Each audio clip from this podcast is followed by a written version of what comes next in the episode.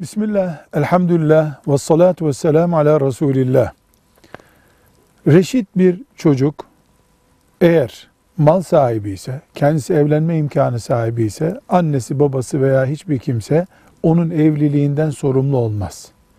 Çocuk evlenemeyecek durumda ise fakirliği açısından Hanbeli mezhebi alimleri çocuğu evlendirmek, bu masraflara katlanmak babanın zorunluluğudur, babaya farzdır demişlerdir. Diğer alimlerimiz, müştehitlerimiz ise baba bunu Allah rızası için insanlık görevi, vicdani bir sorumluluk olarak yapar ama kanuni mecburiyeti yoktur demişlerdir.